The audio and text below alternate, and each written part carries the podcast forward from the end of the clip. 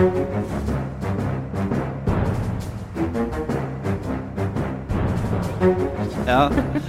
Oh, nei, men da, da er vi i gang med en ny Aftenpodden, ny uke, ny regjering. Det har skjedd så vanvittig mye at uh, det er vanskelig å få plass til alt sammen, men vi gjør et uh, forsøk. Vi er på plass alle tre i studio. Trine Eilertsen, god dag, god dag. God dag, god dag. Sara Sørheim, hallo. Hallo. Og jeg heter Lars Glomnes. Hvor skal vi begynne? Vi, eh, Erna Solberg fikk oppfylt sin store drøm. Eh, hva er det, hvis hun har den der, Hva er det, de det som går på eh, Facebook nå? Ten year, uh, Ten year challenge. 10 year challenge. Ja, da, Så- da begynner vi å nærme oss. kunne Erna Solberg lagt ut et bilde av da hun gleda, drømte om en borgerlig firepartiregjering. Eh, Men ikke turte å tro på det. I går så kunne hun stå på flyplasshotell på Gardermoen og, og, sette, og, og vise frem denne herlige buketten av partiledere som, eh, som nå skal danne regjering. Ja, men Det er litt som å se et bilde av en person før og etter at eh, vedkommende ble sjefredaktør.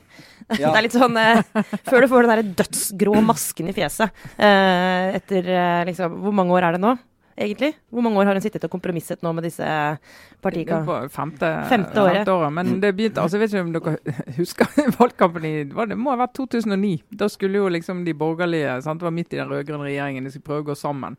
Og skulle de vise hvor mye de skulle samarbeide, og hvor fint det gikk.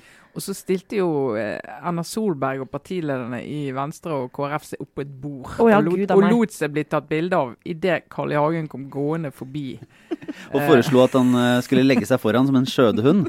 Ja. Og det ble, ja, det ble mange på borgerlig side sett som, uh, sett som, uh, som det som knuste muligheten da, fordi Fremskrittspartiet følte seg tilsidesatt. Ja, Ja, det og det jo. Og med god grunn.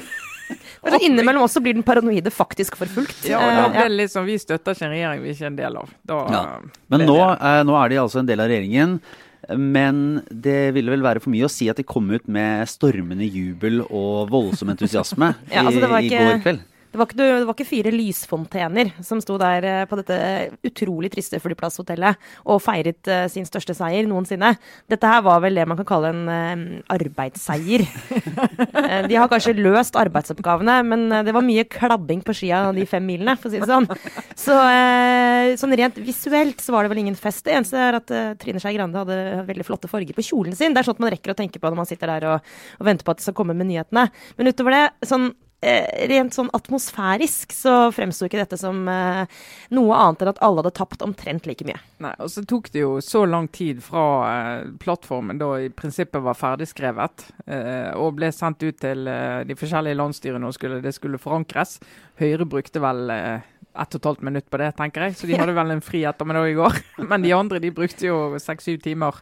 Eh, og da skjønner du jo at diskusjonen har gått, og at dette har vært eh, runde. Så de kommer ut helt sånn faktisk grå i ansiktet. Jeg har sett sånne folk som kommer ut av etter å ha vært stengt inne. De, de gruvegutta nede i Chile kom ut av den eh, gruva med, med liksom mer eh, farge i kinna enn en de partilederne som sto på hotellet i går. Ja, det var eh, på en måte liksom vakkert også, hvis man først er utrolig glad i kompromisser, da. Hvis man tenker liksom at all magi skjer i kompromissets ånd, så kan du si at at alle er sure og skuffa, er et tegn på en god eh, Som at de har gjort en god jobb. Men ah, jeg tror ikke det er tilfellet her i så stor grad, for det er vanskelig også å se på en måte at de har fått til en felles kongstanke. Men, men, så er det, også, men det er jo den der logikken når eh, sånne partier skal fortelle hvorfor de er med på dette prosjektet. Så sitter de inne på, innlåst på rommet med sine partifeller og går gjennom punkt for punkt, og de blir deppa for herlighet. Fikk Frp det, og herregud, skal vi virkelig støtte KrF i den saken? De skal gjennom alle de der.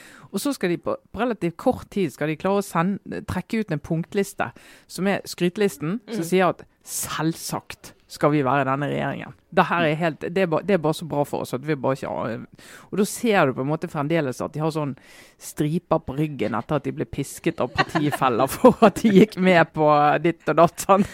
Men det som gjorde det best i går, da, hvis vi først, før vi skal snart snakke om hva de faktisk har kommet frem til politisk, men bare for å henge bitte litt uh, igjen ved liksom, hvordan det fremsto, så må jeg si at eh, Siv Jensen klarte jo i går, best av de fire, syns jeg, og, og som selger inn at dette her var en, en bra løsning.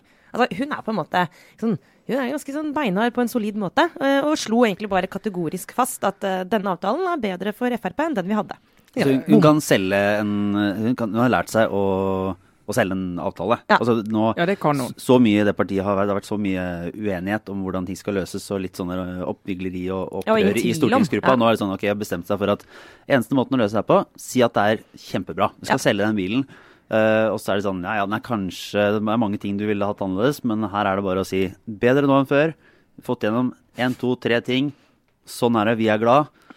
Vi er jævlig glad. Ja, og så, og så må du bare la Venstre og KrF se at de, de kan sitte, sitte der og slite og, og snakke om det de der måtte se, holdt på å si, vinne og tape, men hun Ja. kan bare sånn OK, vi er fornøyd. Vi vant. vi vant. Altså, hun, Ja. hun var jo på det. og Hun, altså, Frp har jo hatt eh, veldig dårlige målinger eh, de siste gangene. Så de er liksom på vei et sted som jeg tror mange i partiet begynner å bli litt bekymret for, og det har de helt sikkert tatt i, i bakhodet.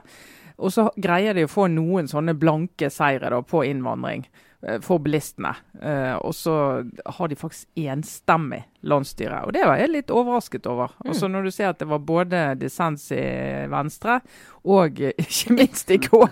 der- Altså, I KrF snakker der vi de bare vil, vil virkelig på håret kom innenfor. Altså det er vel, Dissens er vel fortsatt på en måte et ord som er litt sånn betinget av at det er et, et mindretall. Altså, jeg, jeg tror liksom vi sprenger ordet dissens i Frp. Det er mer sånn at det gikk, jeg I, skal i KrF. KrF. KrF Ja, unnskyld, i KrF. Fordi eh, var det 17-19 i eh, landsstyret? Det er jo et totalt Det, det delt parti. Det er knapt. Ja.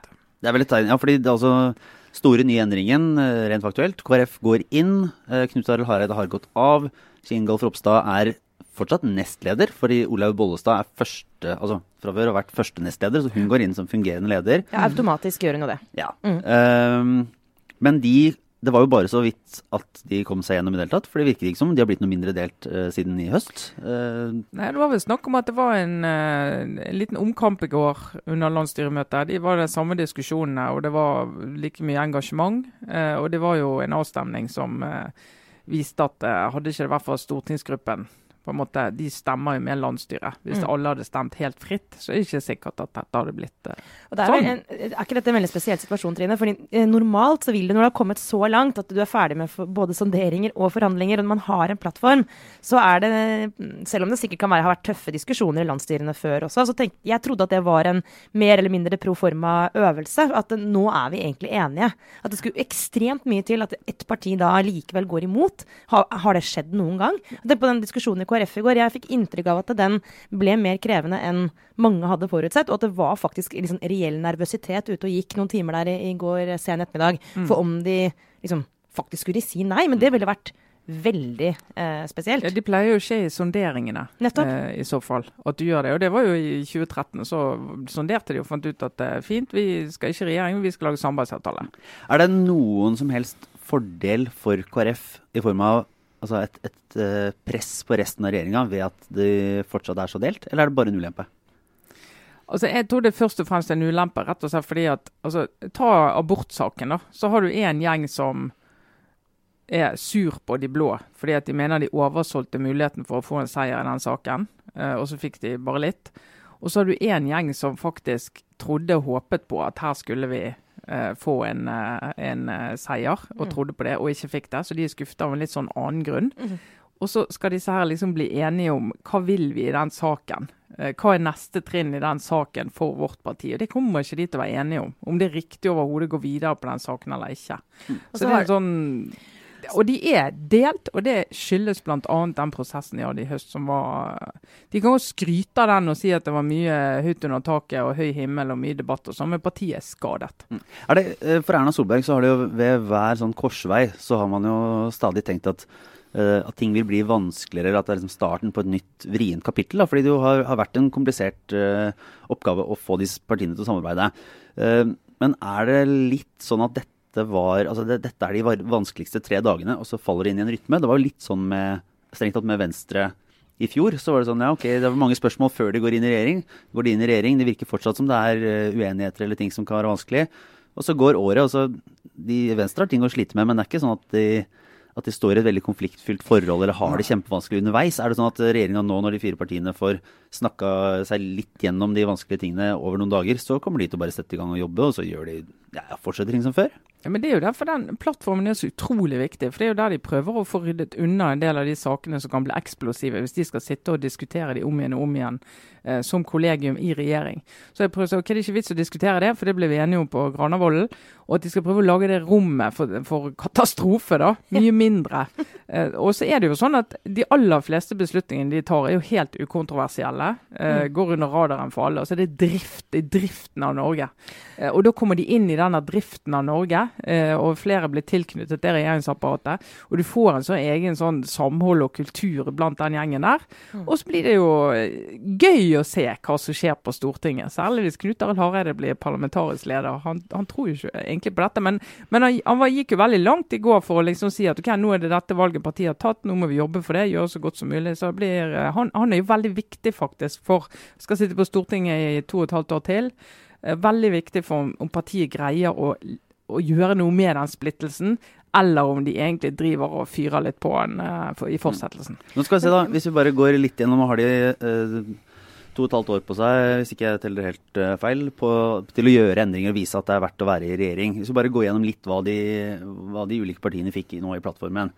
Fordi altså, Fremskrittspartiet har da fått, de har fått et eh, slags tak på kvoteflyktninger, Mm. som også ifølge dem skal motregnes mot asylsøkere eller innvilga asylsøknader på Ja. 3000. Så det, det omtaler det som før var et gulv fra i fjor, har nå blitt et tak, altså en innstramming. da uh, i eh, innvandringspolitikken. Så skal de få ta inn en milliard mindre i bompenger. Det var jo lett å selge til sine velgere. Mm. Og så skal de fortsette å senke eiendomsskatten. Ja. Ja, og så glemmer du jo kanskje det aller viktigste. At man fortsatt kan bytte åssen er det, bytte øl inn i sigg? Nei, bytte sigg inn i øl på taxfree. ja. Ja, det var en sånn eh, ordne opp igjen. Eh, og så sa jo eh, Siv Jensen, hun var jo den som var flink til å understreke det. Hun var i det hele tatt den som eh, solgte denne avtalen best i går. Noen sier det at for oss er det en kjempefordel at de gjennomslagene vi nå har fått i regjering, de blir ikke nullet når sakene kommer til Stortinget. Altså, Mm. de, de fins. Mm. Det var hun og, det, veldig og, tydelig det, på. det, og det tror jeg hun har brukt mye energi på inn i partiet òg. For det har jo fortsatt ja, er det verdt det? Og så faller på målingene. Og, vi må liksom, og hun har måttet argumentere med at ja, men vet du hva, nå, det vi vinner nå, det gjelder. Og KrF de fikk eh, økt barnetrygden. Ja, Det de- var liksom en av de store seierne, tydeligvis. Og så fikk de en sånn Jeg skjønte ikke helt den derre barne... Hva var den Ja, de sånn utredningen? barnereform og Ja. verdighetsreform. altså de, det, ja. men, eh, Ja. de, ja, men de har La, jeg orker ikke å snakke om det engang. Men, Det, ja. men, det, men det er ikke vanskelig for Erna Solberg å på en måte gå med på en del av sånn at du skal jobbe systematisk med at barn skal få det bedre og mot barnefattigdom og, eh, og sånn. Men det, det som er kontroversielt, er jo den eh, abortbiten. Mm. Og det at KrF nå, altså nesten hele Stortinget er enige om at vi skal ta et steg i bioteknologilovverket og jo- tillate eggdonasjon. Altså Høyre jo, gikk jo også med på det etter en ganske heftig debatt. Mm. Eh, og det sier KrF, det skjer ikke i denne perioden. Så det er de på en måte De legger en uh, tømmerstokk i veien for den utviklingen. Det er deres EØS, liksom. Eller andre som andre partier har som en sånn Dette her er det, ja, det er liksom, liksom, en sånn. Sett fra Ja. KrFs ståsted, så er det, jo, det er jo en veldig riktig sak. Eh, sant? Og noen ja, men KrF, eh, klima, altså det er klima og fattigdom og det er alt mulig. Men hvis du virkelig skal se på hva er det som skiller KrF fra de andre, hvor er det de kan si at hadde ikke det vært for oss, så hadde dette skjedd, så er jo dette en sånn sak. Men hva var det egentlig Venstre fikk? Hvis vi bare kan kjapt gå gjennom. Altså, hva, eh, jeg må innrømme at den, eh, der hvor Siv Jensen var veldig god i går, når hun skulle selge inn sine seire, syns jeg Trine Skei Grande var jeg vil ikke si direkte dårlig, men jeg har i hvert fall ikke sans for det retoriske grepet som hun brukte i går, hvor hun var veldig veldig personlig. Det gjør hun jo ofte. Skulle legge fram Venstre sine seire. Hang meg helt opp i at hun snakket om sine egne, sin, sin egen familie og barn, og brukte i mine ører da, et sånn veldig klisjéfylt språk. Og da tenker jeg sånn, når du snakker sånn, og skal snakke om liksom barna våre og hvordan de kan vokse opp og sånn, da, da tenker jeg automatisk det er fordi du ikke har noe egentlig å, å da, Du har ikke noe re reelt. Du bare prøver å pakke det inn i sånn emosaus. Kan hende det var veldig urettferdig. Så en enlighten men me, jeg, jeg, jeg syns ikke det var urettferdig. Jeg Nei. syns faktisk det var spot on. Jeg sa Yes! Nei, men, men det var jo det. For Når du bruker så mye tid til å liksom prøve å fortelle en historie i en sånn setting, det er en pressekonferanse, det er kontrasten mellom hun og Siv Jensen var ganske stor. Siv Jensen gikk rett på et sånn konkrete gjennomslag. Mm. Sånn på tallnivå. Og liksom si at det fikk vi, det fikk vi, det fikk vi. Dette er bedre enn det vi hadde. Det er jo veldig vittig, da. Eh, nå er KrF en del av vårt eh, av regjeringsgrunnlaget. Det er bedre enn når KrF ikke var det. Ja. Hilsen hovedmotstander.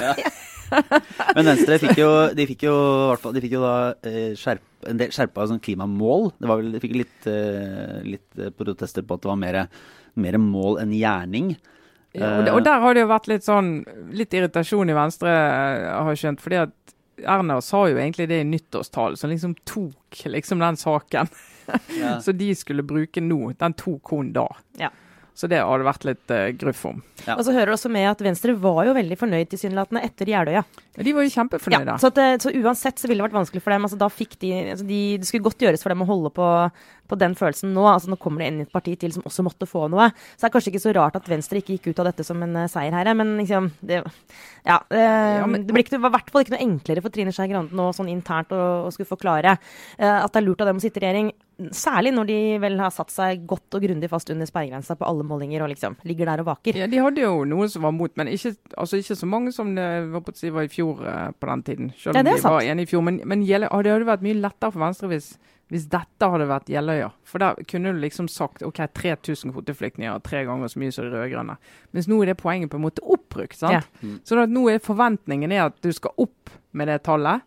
Uh, og det at du faktisk klarer å beholde det, det har ikke noe verdi, da. Og det er jo krevende for de. Krevende, nei, da sa jeg krevende. Fy! Ja. ja, fordi så litt oppsummert da, Lars. Eh, så det er altså, sånn, høy, ja. ja. for Høyre, Typisk vi snakker ikke om Høyre engang. For det er så akkurat å si at det, Erna Solberg fikk drømmen sin oppfylt, hun. Hun fikk drømmen, hun fikk drømmen sin oppfylt. Og så uh, en sånn intensjon om at vi fortsatt skal gjøre noe med skatter og skatt på arbeidende kapital og ja, alt det der. formuesskatt. Ja, men det er litt sånn der, eh, typisk for disse politiske, dette politiske håndverket til Solberg, da, at det virker som det er en plattform som sånn grunnmuren i denne plattformen er ikke spesielt kontroversielt. og egentlig ikke, altså, Det er på en måte litt sånn driftsaktig. Og så har du uh, tre partier som på en måte får noen sånne blanke seire. Uh, av mer eller mindre, eller større eller mindre viktighet. Men liksom at det er det. De, forhold, de holder fast ved noen enkeltsaker som de får. Og så er resten egentlig litt sånn grått og fornuftig. Mm. Er det litt sånn, altså Erna på en måte styrer videre på en ikke veldig kontroversiell plattform, men enkeltsakene er jo noen av dem i hvert fall veldig kontroversielle, sånn som vi må jo snakke litt om abort. Mm. Men ja. liksom, det er sånn dette mm. byggverket på en måte er satt sammen, da, at alle skal få bitte litt. Ja. Og det skal liksom være limet. Mm. Og så selge inn at hovedtrekkene er vi enige om. Ja. ja ikke sant? Men eh, satte du hva, hva heter det, Kveldskoppen med te? Eller jeg vet ikke, hørte da Kjell Ingolf Ropstad med eh, ja. det som foreløpig er 2019s store sitat i, i debatten. Jeg, det virka som han ble enda litt gråere rett etter at han hadde sagt det. For, eh, han skjønte det sjøl? Jeg tror kanskje han skjønte ja. det sjøl. Det var jo da i debatten, debatten om denne altså, det er, jo, det er, jo, fortsatt veldig delte meninger, og vel også litt ulik strategi fra andre partier, om KrF har vunnet eller tapt i abortsaken. Ja. Altså, det, har de tapt fordi de ikke fikk gjennom endringer i denne 2C, altså som, eh, som var noe de ville ha?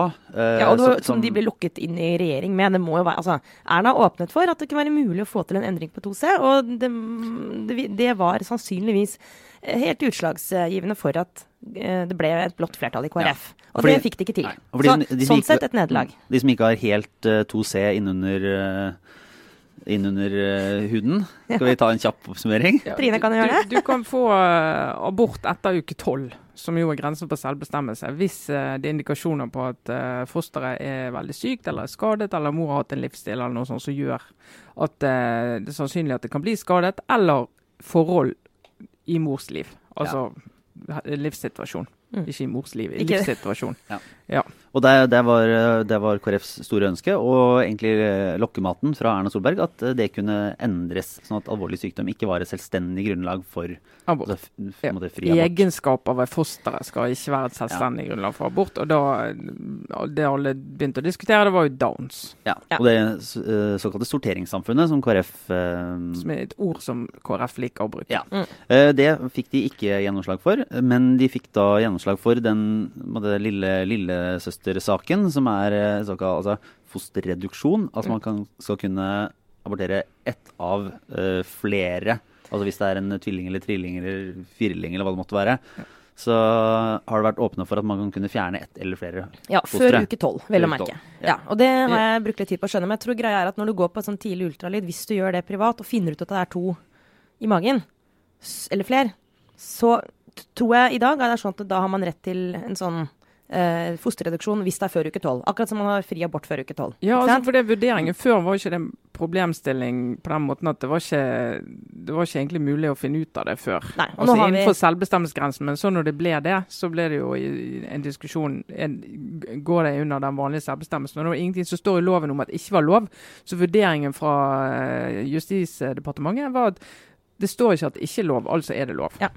Og da, Dette er jo bakgrunnen for den som vi nå må snakke om, uh, uttalelsen til Ropstad i går. Som eh, jeg, han får fortjent deng for eh, absolutt alle sosiale medier-kanaler jeg er borte i min lille boble. Men altså, han sa da at Altså, hvis du, hvis, Har du det direkte sitatet? ja, altså, det er jo sånn, Klarer du å bære fram ett barn? Jeg mener at du bør kunne klare å bære fram to. Altså, det var litt sånn, det var grunn, det var litt sånn uh, som han sa i en, en eh, replikkveksling med, med, Med Jonas Gahr Støre, som og- var eh, tydelig. For å si Ja, sånn. som var på en måte Det, det framsto litt som grunnplanken i holdningen til Altså, Ropstad og KrF. Du kan tolke det som at han sa det han egentlig tenkte.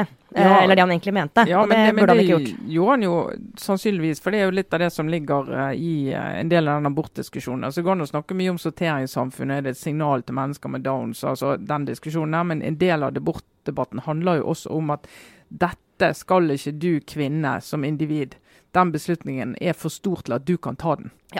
Og den, Og, og hvis du sier Du kan godt si til meg at uh, for meg så, så går det ikke å få mer enn ett barn uh, nå i dette svangerskapet, så jeg ønsker å fjerne det ene. Men det er, må du gjerne si, men det er ikke opp til deg å bestemme, og du bør klare det. og den Og det, når det da kommer fra en mann som ikke har hatt mensen engang, så er det klart at eh, da er det fyr, eh, er det fyr i teltet. Jeg kan kjenne på min egen reaksjon også. Altså det øyeblikket Det derre bør det er, Og au, liksom. Da bør du kunne bære fram to au. Unnskyld, jeg mente ikke å latterliggjøre hans dialekt, men det var et eller annet med den liksom den derre den derre bør, den der nedla, det nedlatende som ligger i det ordet, som bare utløser en sånn akutt, nesten, nesten sånn emosjonell, Ja, irritabel men, men det reaksjon. er helt krise, det. Å Ja, altså- snakke på den måten Ja, det- om voksne mennesker. Ja, og den derre øh, følelsen av at han tror han tror at han vet best hva som er riktig for meg. Altså, det, det, bare, det er nesten helt umulig å holde seg liksom, kjølig rasjonell. Men hvis man skal gjøre et forsøk på det, så er det jo egentlig også dette som er kjernen i hele abortdiskusjonen. Ja, for Og det, det er- handler om- kropp, ja. Og når det handler om det der med selvbestemmelse, er derfor det er så utrolig viktig. Fordi at det må være kvinnens valg, fordi det er kvinnens kropp. Og hvis du på en måte, hvis du rokker ved det, så er vi i gang. Og det er jo det han, det er det han rokker ved, ikke sant. Men eh, han, han sa jo da i, i morges, uh, altså fredag morgen, hvis jeg ikke har gått helt i surr denne uka her, uh, at han, ja, han uttalte seg krøkkete. Ja, han, sa, han uttaler seg nå på mm, i dag. altså, eh, han må jo bare si at det her, var, det her går ikke an å si. Jeg sa det, det går ikke an å si. Ja, men det er jo en utrolig dårlig start for han som sannsynlig kommende partileder. Første gangen han står der eh, altså etter at Hareide er gått av, og jeg antar at eh, det er vel ikke noe reell kamp om den partilederplassen. Det blir vel Ropstad. Det er vel ikke noe som tyder på noe annet. Og da tenker jeg sånn, ja, det, lykke til, vær så god. Nå er det sånn er det liksom eh, det faktisk er i denne virkeligheten. Hvis du, klarer, hvis du ikke klarer deg bedre enn dette, Kjetil, da, da nå må du liksom Uh, gå på en slags sånn uh, Jeg vet ikke, noen må ta deg i skole. Fordi uh, det er forskjell på hva man mener, og hva man bør si. Altså, på den annen side, kanskje det er sånn at vi skal eh, hylle ærlige politikere. Like greit å få det frem med en gang. Men uansett hvordan du vrir og vender på det, jeg skulle til å si Lars, eh, til deg i sted, Lars, at når vi snakker om på en måte ja, kanskje dette kollegiet i regjeringen nå vil på en måte riste seg sammen. De vil, hverdagen vil komme, de vil begynne å jobbe, og så vil konfliktnivået synke. Sånn som det nesten alltid blir. Det er sikkert sannsynlig. Det som jo er spesielt denne gangen, er den saken vi snakker om nå. Fordi denne regjeringen har med seg nå en så uh, betent sak.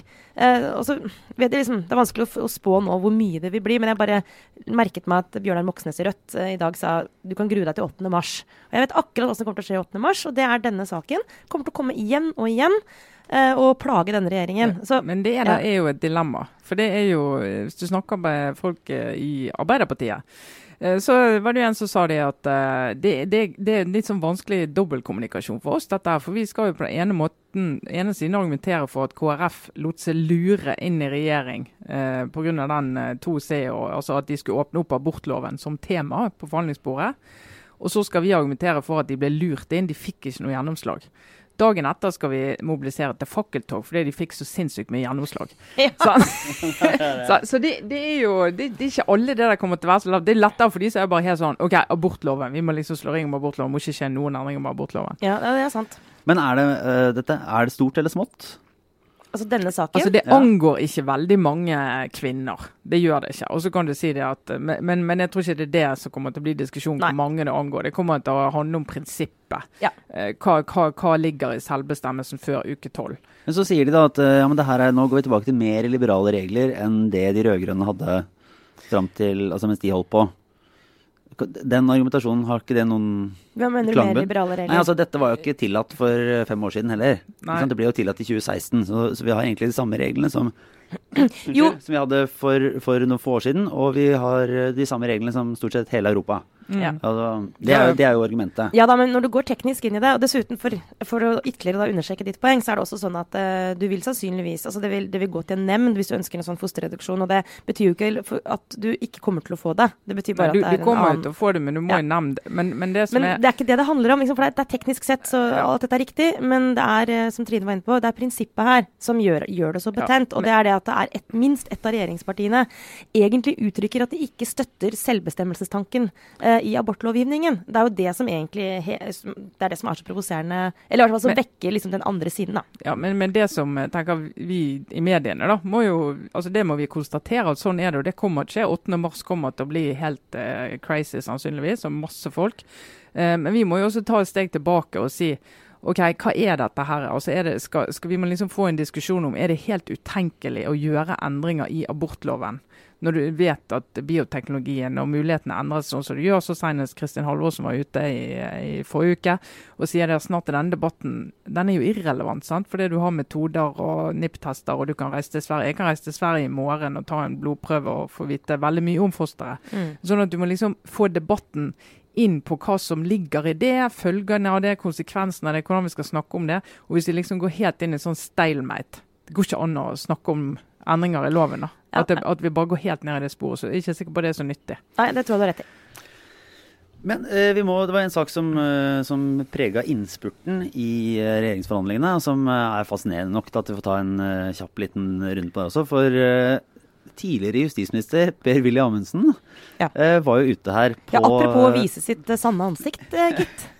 ja, det var jo, det var, nå har jo han også sagt at eh, ifølge Siv Jensen at, eh, at, han ikke, at han sa noe feil, eller at han mente det. Han Mente eller, det ikke sånn? Ja, ja, men han var jo da ute på, på forrige torsdag eh, på TV 2 og snakka fordi han sitter i dette innvandringsutvalget til Fremskrittspartiet. De jobber jo inn, gjennom hver programprosess eller et eller annet. De holder i hvert fall jevnlig på og har vel som modus at de stort sett legger fram litt De strekker eh, partiet i en mer innvandringskritisk retning. Man kan vel si at de ofte kommer med forslag som ja, typisk skaper debatt, er, på måte, vi, eh, er med på å overbevise de som er veldig opptatt av en streng innvandringspolitikk, om at det er her vennene deres sitter.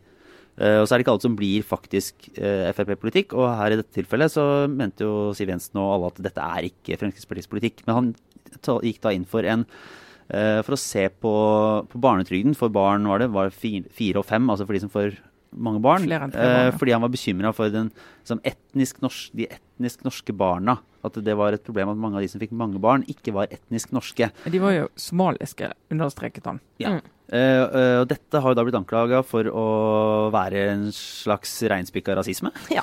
Ja, for han ville ikke gi barnetrygd til det fjerde barnet, da. eh, For en somalisk familie, f.eks. Og da, jeg jeg syns uh, ofte at det rasismekortet trekkes eh, på feil tidspunkt eller på feil sak. Altså helt tatt et veldig vanskelig begrep å bruke, fordi det er veldig, veldig mye av f.eks. innvandringsskeptiske uttalelser som slett ikke er rasistiske. Rasisme handler jo om liksom, en holdning som er noe helt annet enn å være litt, litt eh, nervøs for eh, hva som skjer hvis det kommer for mange innvandrere eh, til velferdssamfunnet, liksom. Men akkurat denne uttalelsen her, den, der er det liksom ikke veldig rart å, å, å trekke fram rasismekortet. Fordi det han gjør, når du, når du begynner å skille på egentlig på liksom, kultur og hudfarge på den måten her, så er det helt sånn liksom, Du åpner en dør der som er bekmørk. Du tenker dette Sånn kan vi ikke ha det. Vi kan ikke si at hvis du er somalisk mor, så får du ikke barnetrygd. Altså, liksom, jeg måtte nesten bare lese det fire ganger og tenke sånn Hva, hva, er det du sier nå? Og, og det tenker jeg Men så Det store ja. spørsmålet er jo er dette, er dette representativt. Altså Mener Frp dette? Er dette et tema i forhandlingene? Men så eh, nå i går da, så var jo både Siv Jensen og mm, Erna Solberg ute og sa at dette her skulle, skulle ikke skjedd. Eh, men det er jo en uke siden. Eh, men det som skjedde forrige uke, det var jo at eh, folk i, eh, som var oppe på Granavolden i Frp, det ble sendt ut en e-post eh, til bl.a. stortingsgruppen, der det ble, og det var torsdag. Sterk oppfordring om at nå sitter vi i innspurten på forhandlingene. Eh, det er tøffe tak. Hvis dere vil hjelpe oss som forhandler, kan dere være så snill og så bare sitte litt i ro. Ikke komme kanskje altså, Ikke de heftigste utspillene. Altså, det blir veldig dyrt fort hvis vi kommer med det nå. Eh, Og implisitt ligger at det kan bli dyrt både økonomisk og politisk. Var dette Og- før? og- ja. Var og dette så før? tre timer Per etterpå Per Tre timer etterpå går ma- Per-Willy Amundsen ut i TV 2-nyhetene og sier ja, somaliske mødre som får fire barn, skal de få barn? Og du vet Da hadde jeg selv antent, hvis jeg var hans leder. da er det folk i det partiet som ble altså så sur. Ble altså så sur. Og så eh, tydelig at det har vært en runde på det. Og så i partiet så har de sluppet Frp-en litt løs, så nå kommer FPU og flere andre har jo liksom kunnet gått ut og si at det her tar vi sterk avstand fra og går ikke an, og vi skiller ikke på etnisitet i Fremskrittspartiet. Og fins ikke denne politikken fins ikke i partiet. Og så bare Per Willy Amundsen bare Hold my beer. Nå skal jeg ut og Men altså, er det grunn til å tro Dette vet vi kanskje ikke, men altså, har han da liksom gjort det med vilje? Eller, eller han bare sånn Å, jeg fikk ikke med meg den e-posten, og jeg har ikke fått med meg at dette ikke er Jeg får eh, så mye mail. Ja, e-post er ut, egentlig. Send det på Slack, hvis ikke så får jeg det ikke med meg. Altså, eller, eller, Jeg er eller gjorde på han Snap, ja.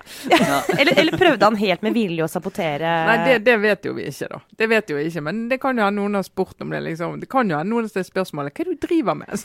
Takk Men- men- skal du ha. Men dette øh, Syns dere at, at eh, Siv Jensen og Erna Solberg måte, var tydelig nok, tok det nok tidlig nok? Er det, de har fått kritikk for å, for å bare dytte det litt unna og vente. Er, hvordan eh, Ja, hvordan altså, har de håndtert det? Erfaringen viser jo at sånne situasjoner blir verre jo flere dager det går før du går ut og setter foten hardt i bakken og står på den, som Jagland ville sagt. Ja. Uh, og det, altså, men det, det, jeg lurer på hva vurderingen er. Og så kan jo hende vurderingen har vært at ok, nå lar vi Frp-ene sjøl ta det. Og så må alle da skjønne at dette er ikke Mm. At liksom ikke statsministeren i Norge kan gå ut eh, og respondere på hvert eneste utspill fra hver Nei, eneste stortingsrepresentant i hvert eneste regjeringsparti. Det blir liksom litt Kan i verste fall bli litt hektisk. Men, Men det er mulig det var vurderingen, men, det er, jeg ja. kan tenke meg det er vurderingen, men det, men det er det at du får nok en sånn sant? Nå er, det, Jeg har lest overalt på Facebook denne uken. Ja, nå kommer vel snart Erna Solberg og sier 'jeg ville ikke brukt de ordene'. Ja. Sant? Og det må hun faktisk begynne å bli litt- altså, Det kan være en riktig, sikkert og klok vurdering i mange mange tilfeller. Men så går det en grense et sted hvor noen har sagt noe som, som er eh, såpass langt ute at du, du må på en måte bare med en gang slå fast at sorry, bom! Du gikk over en grense. Mm. Og jeg syns det er svagt, sånn ledelsesmessig svakt at ikke Erna Solberg var tydeligere på det. Jeg tenker at Det hadde hun vunnet på å være, vil jeg Altså, der tror jeg kanskje Ja, for ikke Rådgivere. Siv Jensen. Siv Jensen hadde jo en sånn, eh, sånn Facebook-innlegg før jul der hun hadde sånn, tok et lite oppgjør. Og det, Ja. og det vet du jo koster inn i partiet og når hun gjør det. Men altså, det er faktisk veldig viktig for hele troverdigheten til, det, til den Ja, regjeringen. Så kan du noen ganger mistenke rådgivere for å eh, mm, komme for langt inn i bobla, hvor på en måte alt handler bare om hva er, hva er liksom smart og ikke smart, og hvordan skal vi respondere nå, og liksom re retoriske sånne finjusteringer. Eh, også, men noen ganger tenker jeg, vet du hva, nå kan du legge Det, det er egentlig helt irrelevant. Akkurat denne uttalelsen det fins kun én måte å respondere på, og det er å slå den fullstendig ned og legge ballen død. Og da tenker jeg at det blir litt sånn kun, altså, da, ja, da mister jeg litt respekten for eh, en leder som en måte, Nei, nå tror jeg det er taktisk riktig. Hvis det er det som har vært vurderingen, da. Nei, nå tror jeg det er taktisk riktig å la Frp selv ta det. Ja, drit i det. Nå, sånne ting, slå dem ned. Det, Men eh, ja, der har jo Solberg eh, Enn så lenge har jo historien vist at hennes måte å løse dette på har virket, da. Så her sitter jeg og ville garantert ikke fungert særlig bra som rådgiver for henne. Men Mens hun har det er fått, nå det jeg hun har mener. fått seg en flertallsregjering siden Ja. sist. Ja, og jeg har fått meg en podkast, så det sier jo litt.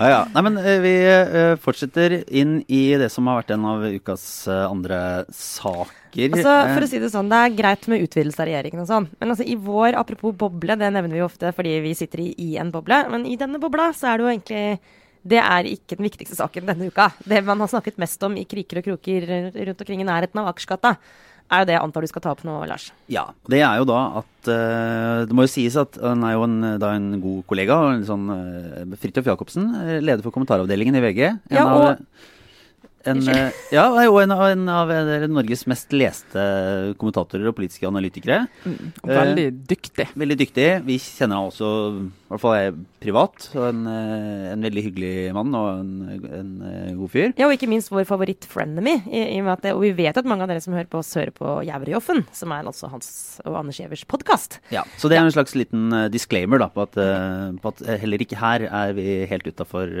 situasjonen. Men han gikk da av veldig brått i VG.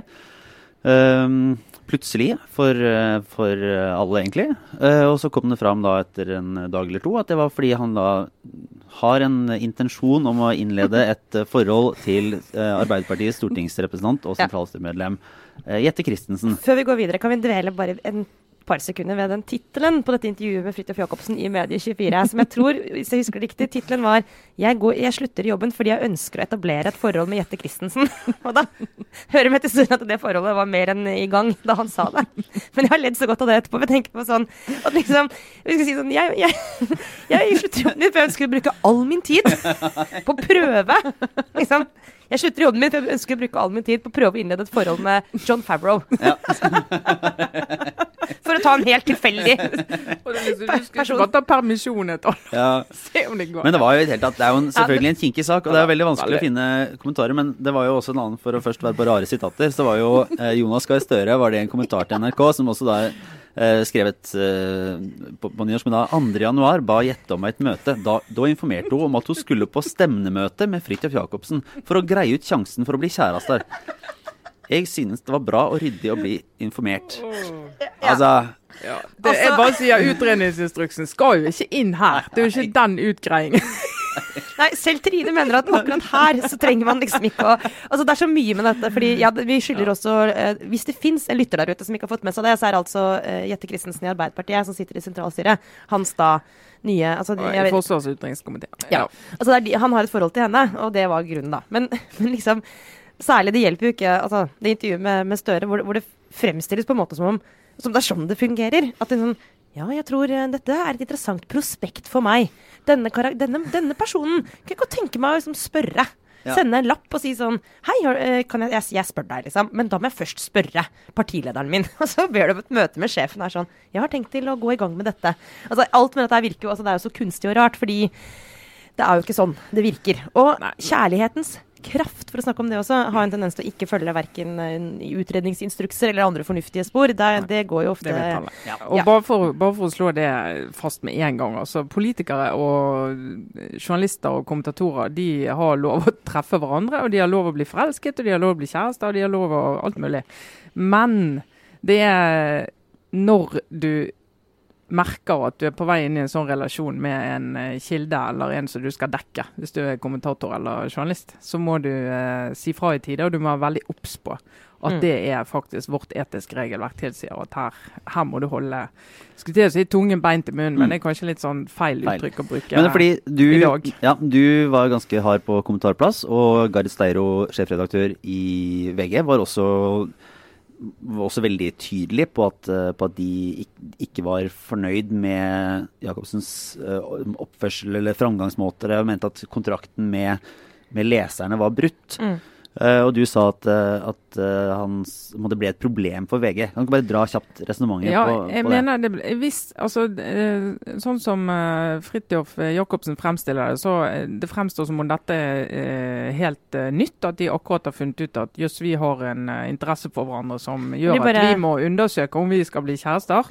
Eh, og Derfor så går jeg og sier opp jobben min, og altså litt sånn ryddig. Eh, På det, altså Nesten sånn eh, hva skal jeg si, Kristian Skar og Hadia Tajik, som jo er en annen historie fra i høst. eh, Der de møttes i sommer på en fest, og så fant de ut at ja, jo, kanskje vi skal prøve dette ut. Og så sier han opp, og så går de ut i Må de ja, fortelle dette her? Og grunnen til at de må fortelle dette her, det er fordi at det er åpenbart interessant å vite hva bindinger det er mellom journalister, kilder og journalister og folk som vi dekker og skriver om. Og dette er jo en binding. Og Derfor så er det ikke kompatibelt.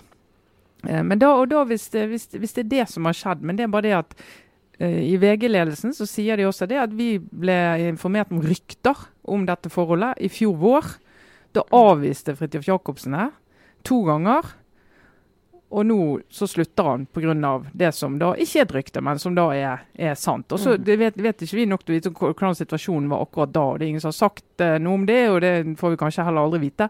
Men poenget er at da blir det etablert en usikkerhet om eh, Fridtjof Jacobsen og Gjerte Christensen hadde et forhold i fjor, kanskje før det, som ikke var kompatibel med hans rolle. Og den, den, Det er en uklarhet der som gjør at jeg mener at VG har et problem, og jeg mener de bør ettergå ikke bare kommentarjournalistikken, som de sier de har gjort. altså Du leser kommentarer og sier ja, men det er jo ikke, altså, da kan du liksom banalt kan du si har han skrevet kommentarer der han hyller Jette Christensen, eller liksom eh, på en måte urimelig liksom støtter henne. Altså, det er jo ikke sånn det fungerer. Det fungerer jo sånn at du kan stå i diskusjoner inne i, i redaksjonen. Mm. Eh, du har eh, følelser med det som påvirker vurderingene dine, som gjør at du argumenterer på en annen måte enn det ellers ville gjort. Altså, det er jo det de må undersøke, mm. om det har skjedd. Og det kan godt hende det ikke har skjedd, men jeg mener de skylder leserne å undersøke.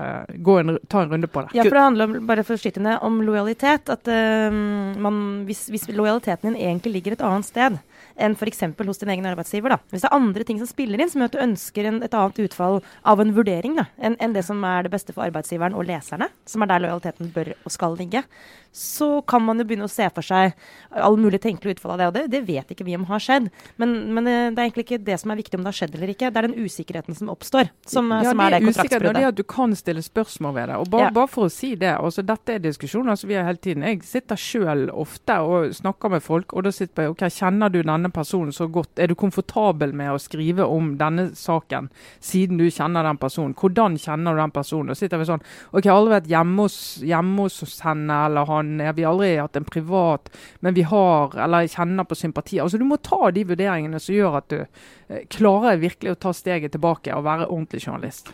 Og så er det jo øh, Grunnen til at dette måte blir også mer enn en prinsippdiskusjon, er jo er jo Giske-saken fra i fjor. Ja. Uh, og det var jo så sent som i forrige uke så snakket jeg med en, en, uh, en Arbeiderpartipolitiker som på en måte er nær, altså, som har sympati med Trond Giske, som, som var uh, oppgitt og forbanna på, på Oslo-eliten, eller mediene, som først og eh, fremst ikke hadde nestleder Hadia Tajik, som har innledet et forhold til eh, Dagens Næringsliv-journalist Christian Skar, mm. som dekka noen av de aller første sakene mot Trond Giske. Ja, det var jo han og hans eh, daværende kollega Tore Gjerstad som hadde de to første sakene om at det var varsler mot Trond Giske i Arbeiderpartiet, som jo starta hele det som nå heter Giske-saken. Ja. Mm.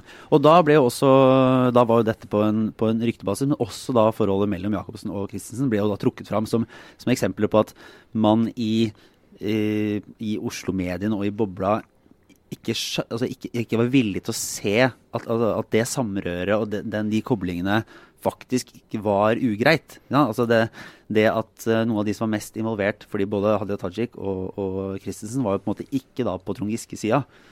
Uh, og Nei, det, absolutt ikke. I hvert fall ikke Hadia, da. Nei. Og, og, og, det hevdes jo her at, at alle disse forholdene på en måte starta i etterkant av disse stridighetene. Mm. Men det er Norges mest betente politiske strid. Ja. Uh, der alle blir plassert i en bås og en retning.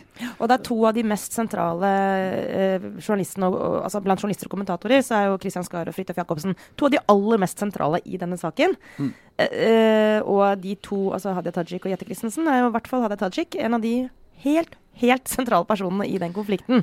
Ja, og Jette Kristin sitter i sentralstyret, som, ja. som, alle jaktet på kilder i. Og ikke minst som det var diskusjoner om uh, altså, hvem er det som lekker, hvem er det som Med en gang det oppstår usikkerhet om det, og hvorfor ting skjer, Eh, så, så, så, bør vi snakke om det. Men jeg syns det er interessant. For det er klart, det er veldig lett for altså, Og de som sitter inne i boblen, vil alltid mene, og det vet jo vi når vi dekker folk, når vi snakker om habilitet og når vi snakker om eh, forskjellige typer relasjoner, så er folks ryggmarg sier ja, men dette har jo jeg kontroll på. Mm. Altså dette, dette, her, eh, Jeg vet hvor grensen går. Mm. Jeg misbruker ikke den posisjonen jeg har. Jeg misbruker ikke dette vennskapet og kjennskapet. Men med en gang du ser det utenfra, og da tror jeg han, altså Den trønderske politikeren han ser det utenfra.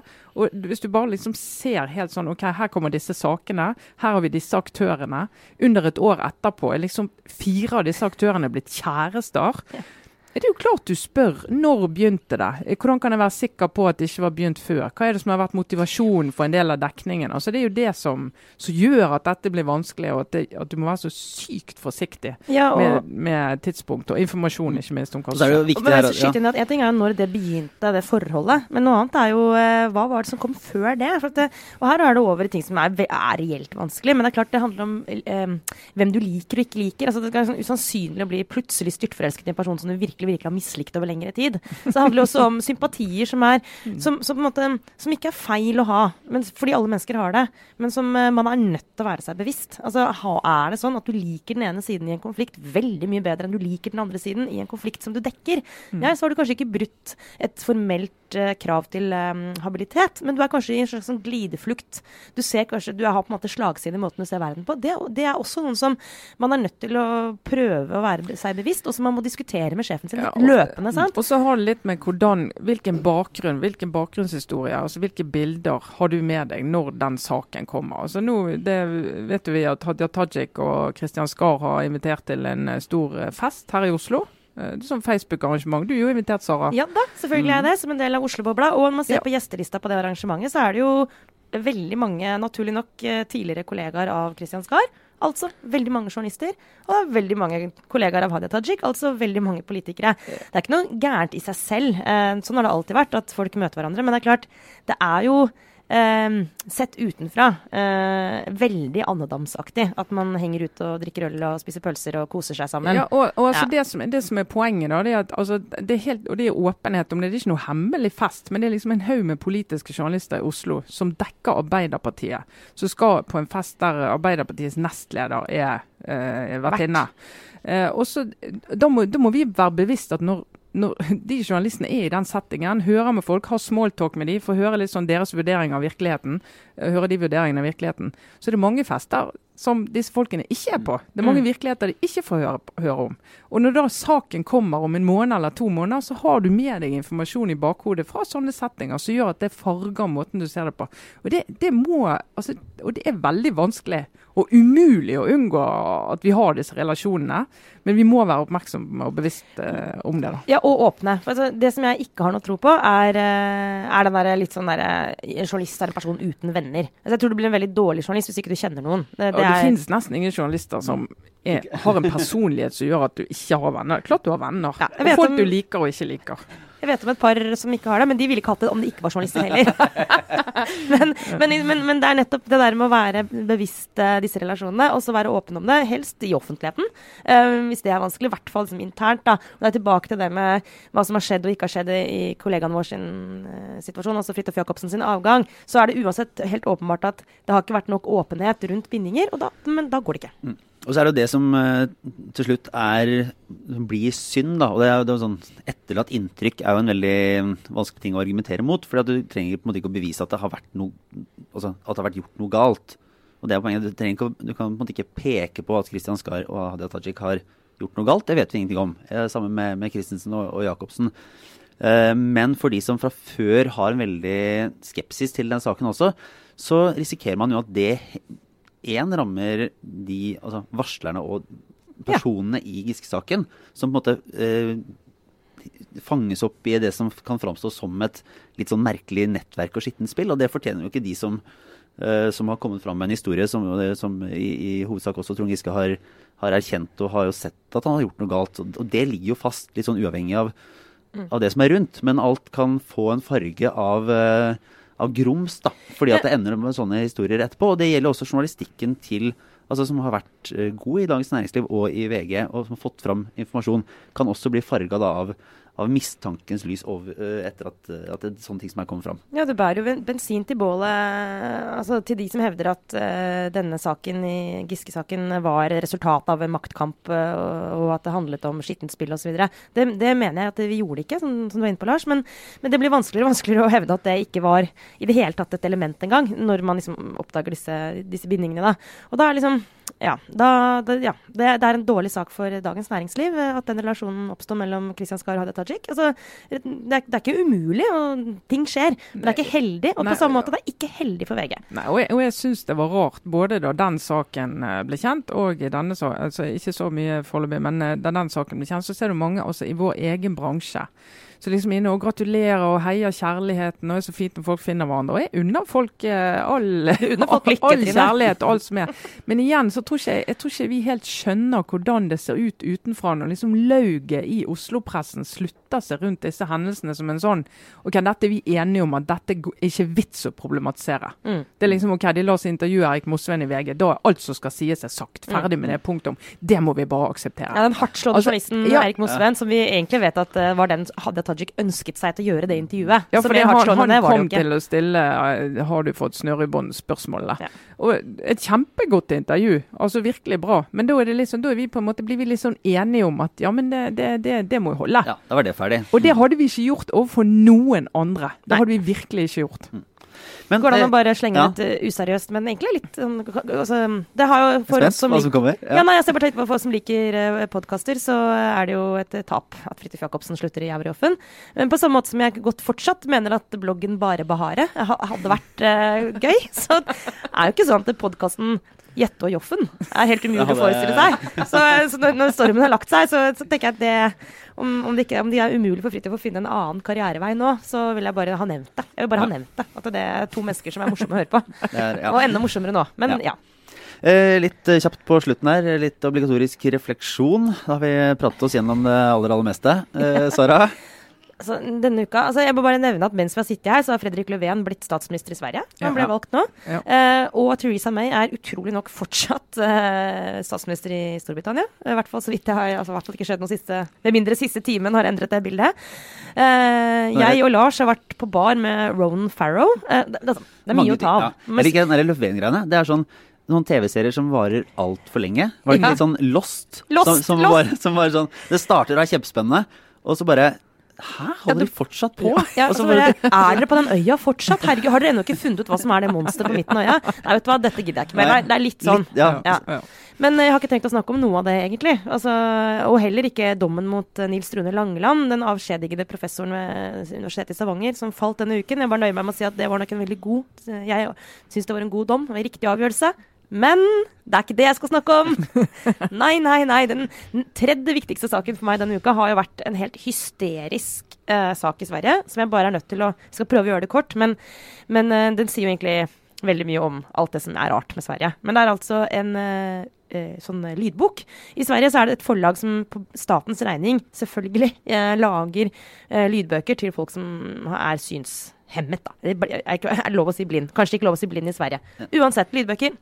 Det som har kommet frem, er at eh, lydboka til en forfatter, en psykolog eller psykiater, som heter David Eberhardt, som er eh, sånn samfunnsdebattant i Sverige, en av hans siste bøker, som er spilt inn på lydbok, der har innleseren, altså denne personen som leser opp boka, bestemt seg for tre ganger, faktisk. I teksten. Å stoppe opp og gjøre lytterne oppmerksom på at David, David Eberhardt eh, tar feil. og, og jeg har ikke lest boka til eh, David Eberhardt, men den heter 'Det store kjønnseksperimentet'. Så jeg kan jo tenke meg at den har en altså Han er på en måte altså, Han er ikke en genusorientert feminist. han er litt mer eh, sånn feminist. Petersensk eh, retning på, på kjønnsdebatten. Ja, men denne oppleseren eh, blant annet stopper opp og sier at eh, du, eh, jeg vil gjøre deg oppmerksom på, kjære lytter, at eh, når det kommer til analysen av postmodernismen, tar Eberhardt her feil. og, dette er, og dette ble da av um, eh, Ali Esbati, som er svensk politiker og sitter på, på, i Stortinget, eller i parlamentet der for uh, Venstre, Ja. uh, han la ut da på Det var sånn jeg ble oppmerksom på saken. La ut på sin Facebook-side uh, det bildet av tweeten til David Ebrard, som naturlig nok er utrolig opprørt over dette, skriver det. Men, men det uh, Ali Espati skriver, er uh, 'Not all heroes wear capes'. Altså ikke alle helter går med kappe. Og hyller denne innleseren. Og det er da det liksom blir helt sånn galskap. Altså, nei, altså jeg vet, Nå vet jeg ikke hvor jeg skal begynne. Du kan ikke, hvis du Se for deg da at eh, Mimir Kristiansson sin bok for å ta et eksempel, om, om eh, hva ville Gerhardsen gjort, ble lest inn på et statlig betalt forlag, og, og, og oppleseren liksom underveis i boka sier sånn Jeg vil bare gjøre oppmerksom på at den der venstrevridde analysen til Mimir Kristiansson, den er helt feil. Det var ikke sånn Gerhardsen tenkte. Det var ikke det Gerhardsen ville gjort. Hvordan, altså Ville Ali Spati synes det var en sånn topp Åh, ting å men gjøre? her, jeg bare, det er en helt fantastisk uh, historie, og bare veldig veldig fascinerende. Men jeg, jeg, jeg vil ikke ha en sosiale medier-verden der en sånn halvsleivete, morsom kommentar fra Ali Pati, som forhåpentligvis Jeg velger å tolke ham i beste mening, for det er det jeg mener man bør. Oh, Oh, ser du den, gode ser du den, den hesten jeg sitter på? Er den ikke høy? Eh, at han må liksom må eh, stilles til veggs for den. Du velger å se på det Ali skrev som litt som, humor, egentlig? Ja, dere håper jo for all del det. Nei, jeg, jeg tror ikke det. Altså, ja, ja, ok, vi kan godt håpe det, men jeg Ja, tror men at det, det er et en uttrykk for helt, en reell holdning. Ja, at du syns det er greit. han må gjerne Han syns det er gøy, sant. Og det kan hende vi hadde ledd hvis det hadde skjedd. Og tenkt herlighet. Men, men han som gjorde det Og det verste var han har gjort det flere ganger. Ja, ja, ja. Det, han- det fortalte han jo. Denne innleseren er også til stede på denne Facebook-tråden. Jeg tror den er sånn åpen, så alle kan gå inn og se. At, at han, han sier sånn Hei, hei, det er jeg som leste inn. Ja, nei, jeg mener at han Jeg, jeg mener at Han den tar feil. ja, analysen av postmodernismen er feil, så den, det velger jeg å påpeke. Og det har jeg rett til å høre. Og så stakkars forlag er ute sånn Nei, nei, nei, man har ikke rett til det.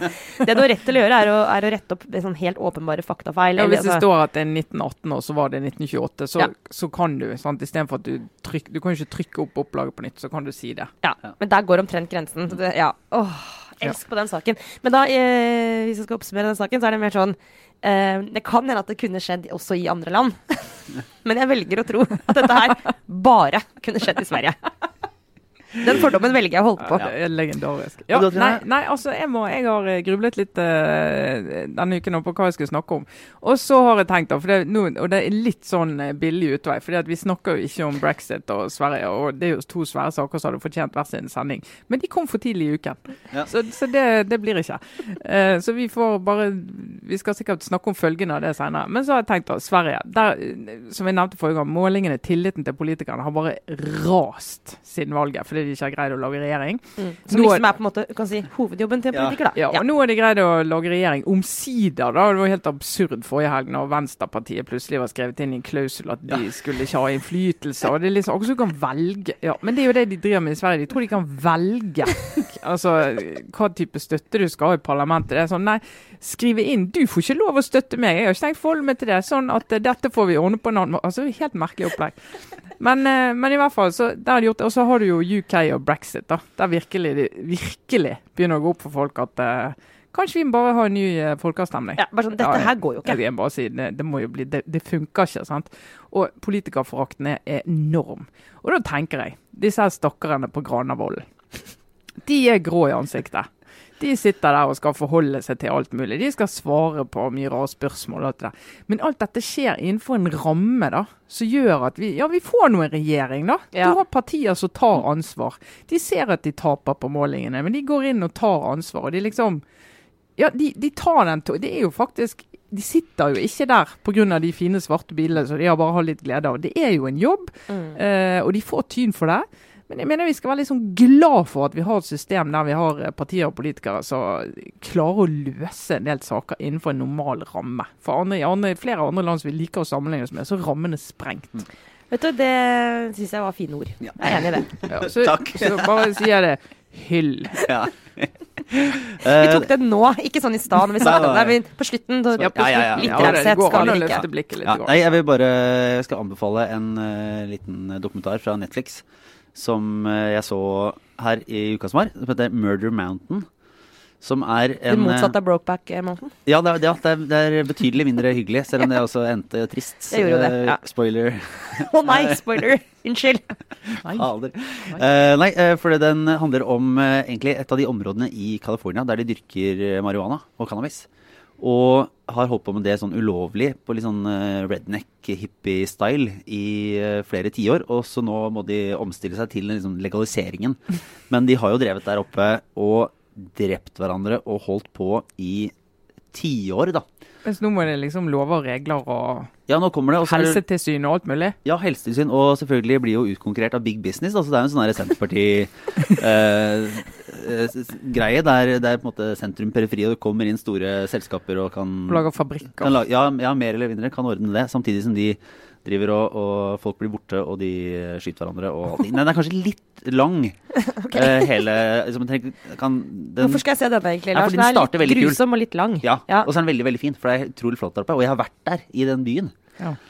Så det gjelder jo ikke alle, men uh... Så du skal velge mellom å følge en svensk regjeringsdannelse og den dokumentaren, så Nei, det er dokumentaren. da velger det. Ja, Begge tar- nei, tar er liksom- litt lange Ja, begge to, ja. men uh, dokumentaren tross alt. Ja. Og da tror jeg vi eh, runder av for denne uka.